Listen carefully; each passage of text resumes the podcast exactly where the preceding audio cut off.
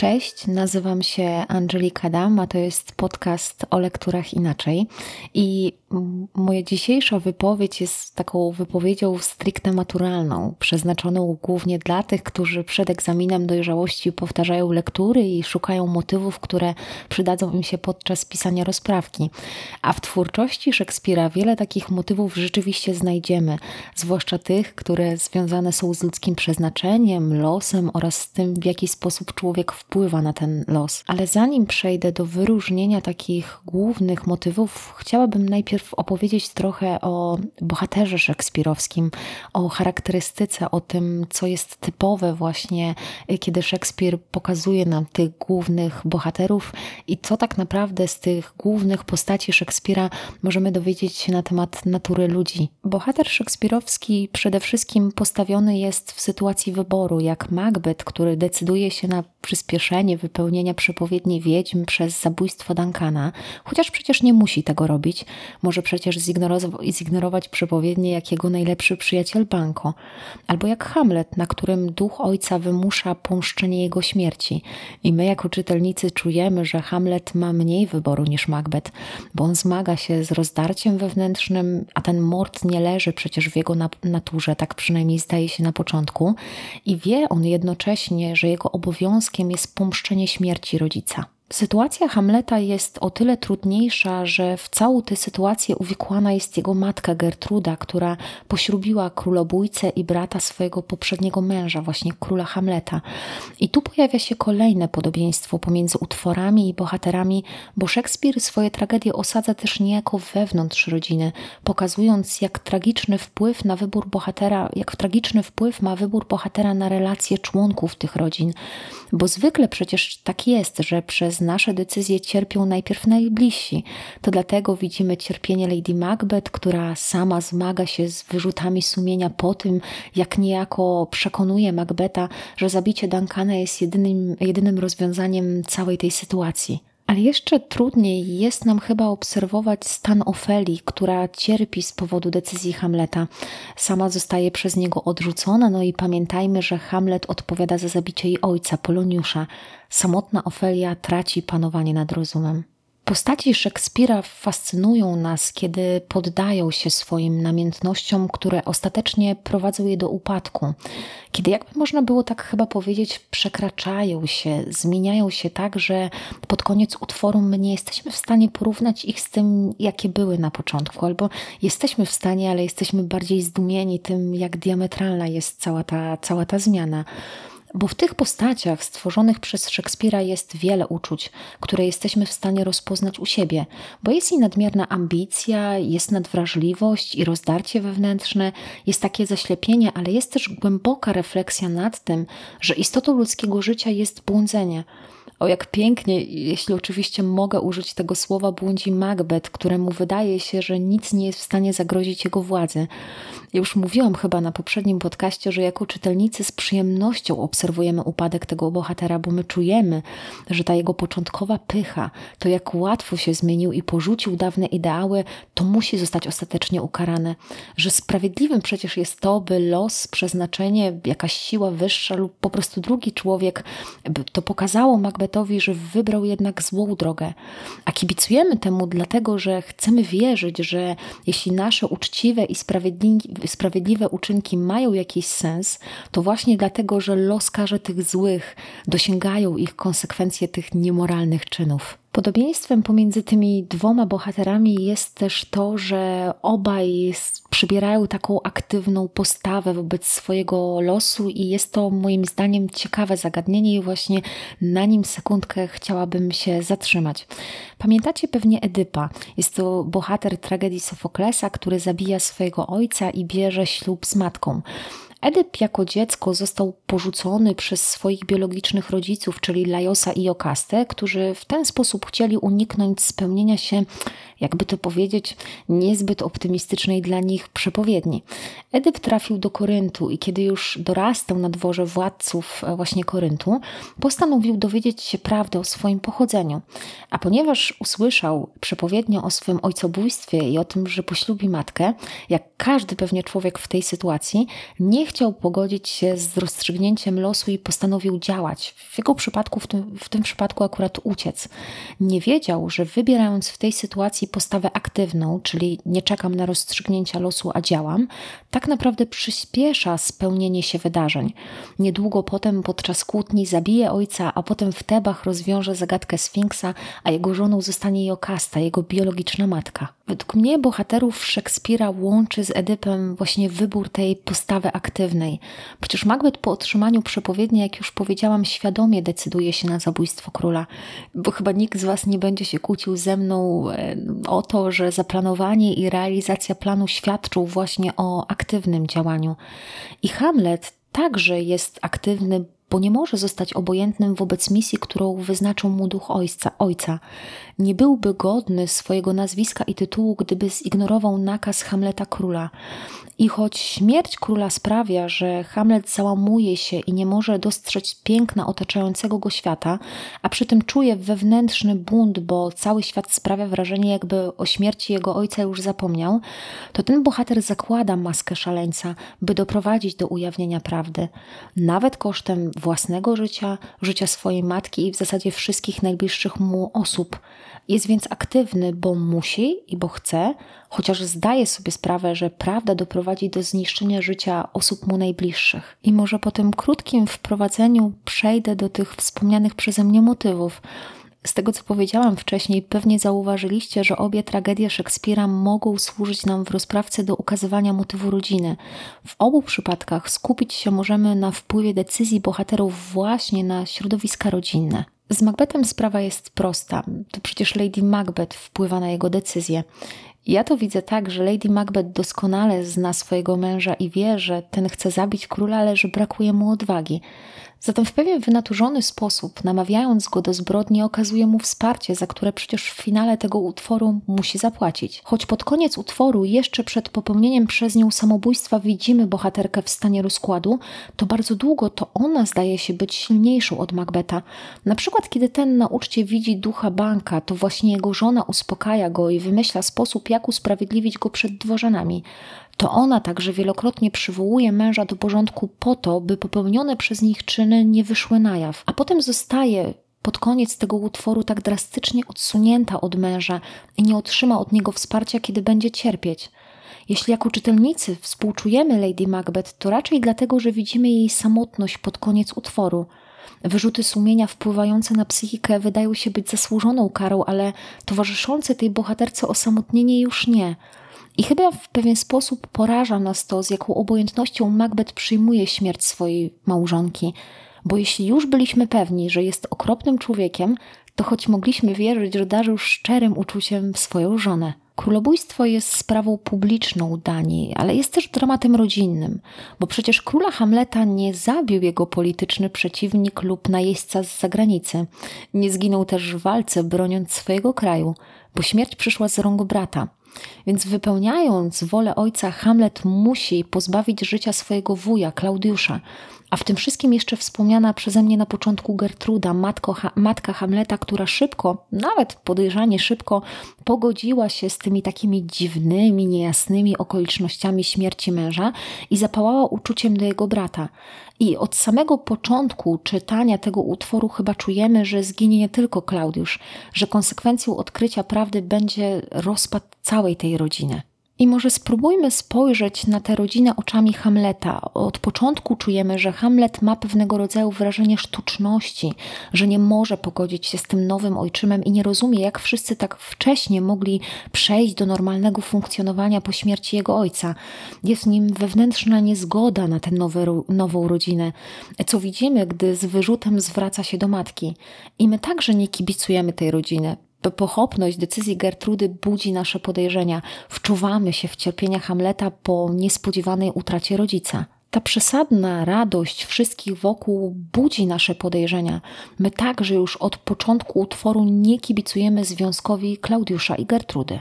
Kolejnym motywem, który widoczny jest w obu tych utworach, jest oczywiście dość oczywisty motyw winy i kary, bo z konsekwencjami swoich czynów musieli mierzyć się na przykład Lady Macbeth i też Macbeth oraz na przykład Klaudiusz.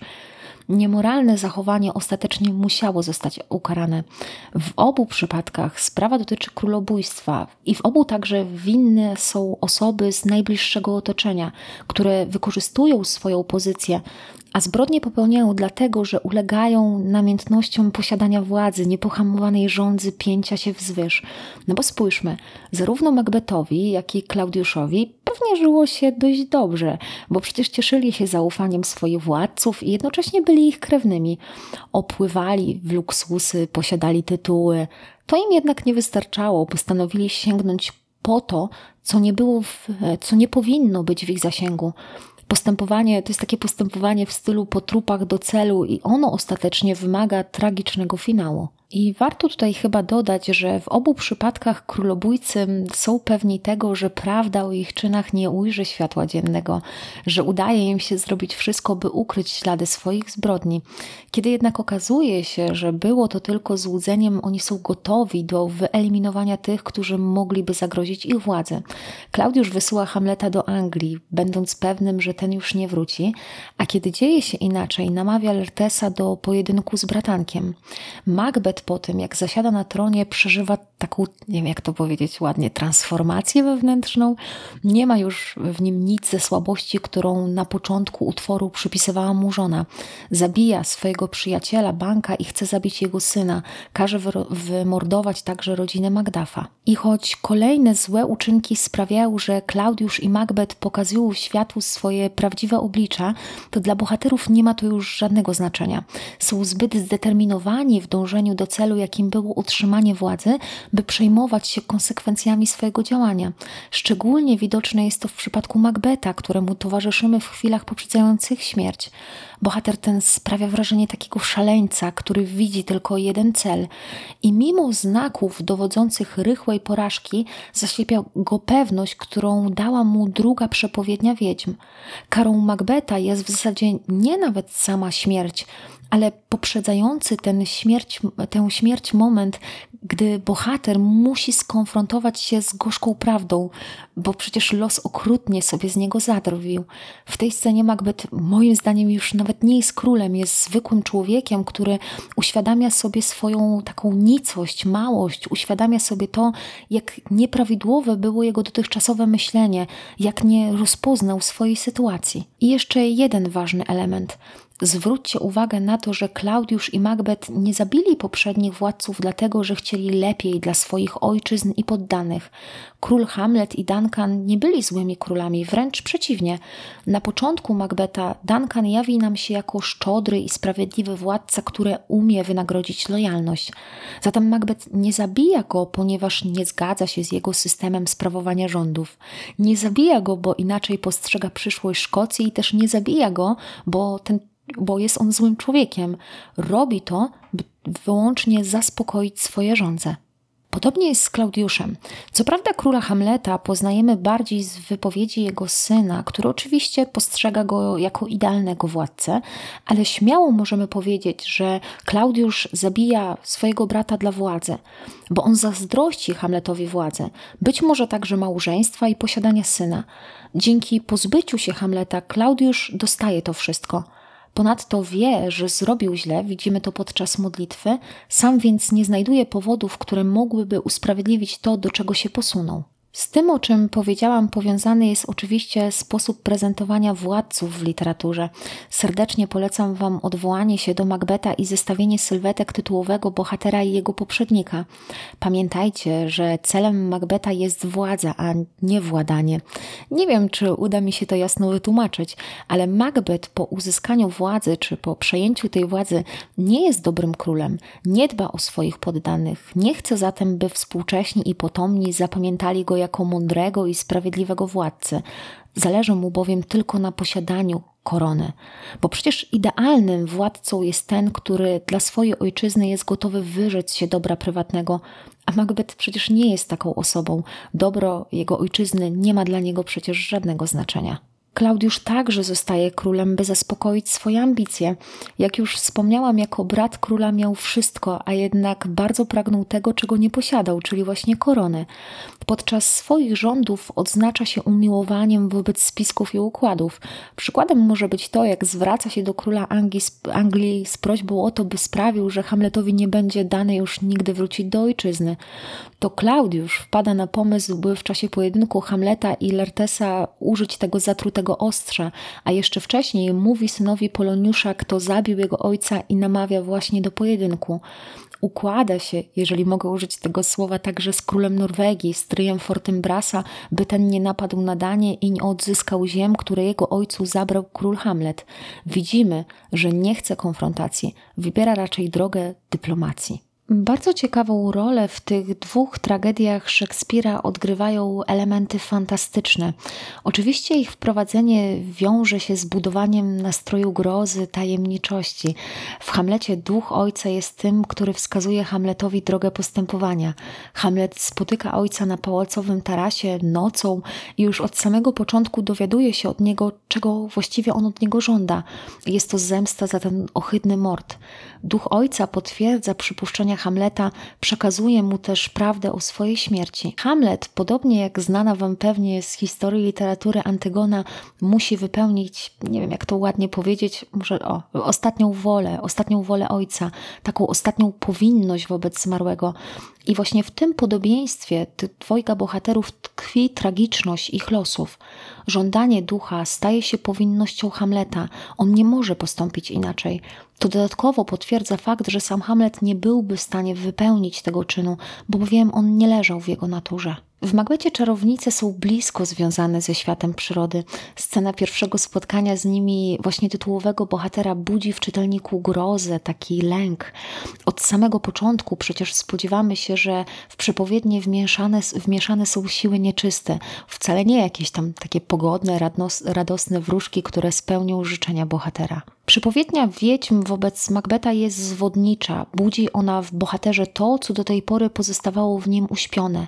Czarownice bawią się tym bohaterem, wyjawiają mu jego przyszłość dla własnego kaprysu, ale przecież nie zmuszają go do tego, by postąpił jak postąpił, nie rzucają na niego jakiegoś tajemniczego uroku działanie bohatera, ono, ono, musi mieć swoje konsekwencje. No przecież w świecie musi panować równowaga i dlatego pojawia się Hekate, najważniejsza z czarownic. Jest ona zła na pozostałe czarownice, że pozwoliły mordercy zatriumfować. Ponieważ jednak te czarownice okazują się mieć w dramacie Szekspira dość szeroką wiedzę na temat ludzkiej natury, kiedy Macbeth przychodzi po kolejną przepowiednię, one znów drwią sobie z niego, powodują w nim, czy tworzą w nim takiego pewnego rodzaju pewność triumfu, która stanie się przyczyną jego zguby. I moim zdaniem to warto podkreślić. Czarownice wiedzą sporo o mrocznych stronach ludzkiej natury. One znają nasze słabości i bawią się nimi, wykorzystując je. Jeśli człowiek wierzy, że kontakt ze światem fantastycznym nie skończy się dla niego źle, no to niestety jest w błędzie. Macbeth w pewien sposób wierzył, że czarownice są jego sojuszniczkami. Jak pokazuje zakończenie utworu, no nie mógł być on w większym błędzie. Świat fantastyczny jest zatem przez Szekspira umieszczany ponad światem ludzkim. I kończąc tę swoją dzisiejszą wypowiedź, chciałabym powrócić do myśli z początku. Oba utwory Szekspira w ciekawy sposób podejmują temat ludzkiego losu, wpływu człowieka na ten los. W tym przypadku powiedzieć możemy, że w obu tych utworach występuje motyw teatrum mundi. W scenie piątej, aktu piątego, Macbeth tuż po tym, jak dowiaduje się o śmierci Lady, Lady Macbeth, tak przy okazji, jak już mówiłam, nie cierpi za bardzo, wypowiada takie słynne słowa, które świadczą o tym, że jest on przekonany, że człowiek jest tylko nędznym aktorem, co przez swą godzinę na scenie świata e, puszy się, a potem milknie. I to jest bardzo ciekawe, bo widzimy, że Macbeth próbuje scharakteryzować życie ludzkie jako krótkotrwałe, pełne iluzji, w którym dążenie człowieka jest tylko wielką mrzonką, ale ta końcowa wypowiedź jest tylko wyraźnym podsumowaniem postępowania postaci w całym utworze. Jemu przecież wydawało się, że wszystko wie, że się nie pomylił, że są rzeczy, których może być pewny. Los jednak sprawił, że stało się zupełnie inaczej. Hamlet nie podjął decyzji o zemście sam. Stała się ona jego powinnością z powodu tego, że był synem i dziedzicem króla, spadkobiercą jego całego królestwa. Podejmując grę z Klaudiuszem, Hamlet musi udawać kogoś innego, zakłada więc dla świata maskę szaleńca. Podobnie jak Klaudiusz, który na scenie życia odgrywa rolę dobrego władcy i zatroskanego o stan Hamleta ojczyma. W Hamlecie widzimy coś takiego też ciekawego jak teatr w teatrze, bo inscenizacja, którą przygotowuje Hamlet, ma doprowadzić do zdemaskowania prawdy na temat czynu Klaudiusza. No i na dzisiaj to tyle. E, mam nadzieję, że e, właśnie te wszystkie motywy, o których powiedziałam, okażą się dla Was przydatne z punktu widzenia matury. No i pamiętajcie, że oba te utwory można wykorzystać także przy okazji mówienia na przykład o sposobie ukazywania kobiety albo matki. Tu świetnymi przykładami mogą być, może być Gertruda, ale może być też taka jedna z najbardziej znanych wypowiedzi Lady Macbeth, ale też może być przy sposobie ukazywania kobiety chyba interesujące ukazanie właśnie Ofeli. Zachęcam Was oczywiście do poszukiwania jeszcze innych ciekawych tematów, motywów e, czy wątków e, znajdujących się w tym utworze. Pamiętajcie, że e, bardzo często my szukamy tych motywów w tych takich lekturach ogwiazdkowanych, tych najbardziej znanych, a czasem ciekawe ujęcie pewnego tematu mogą pokazywać nam te lektury, których szkoła nie umieszcza jakby na pierwszym planie tej, tej naszej współczesnej edukacji. To dziękuję za dzisiaj i, i do usłyszenia.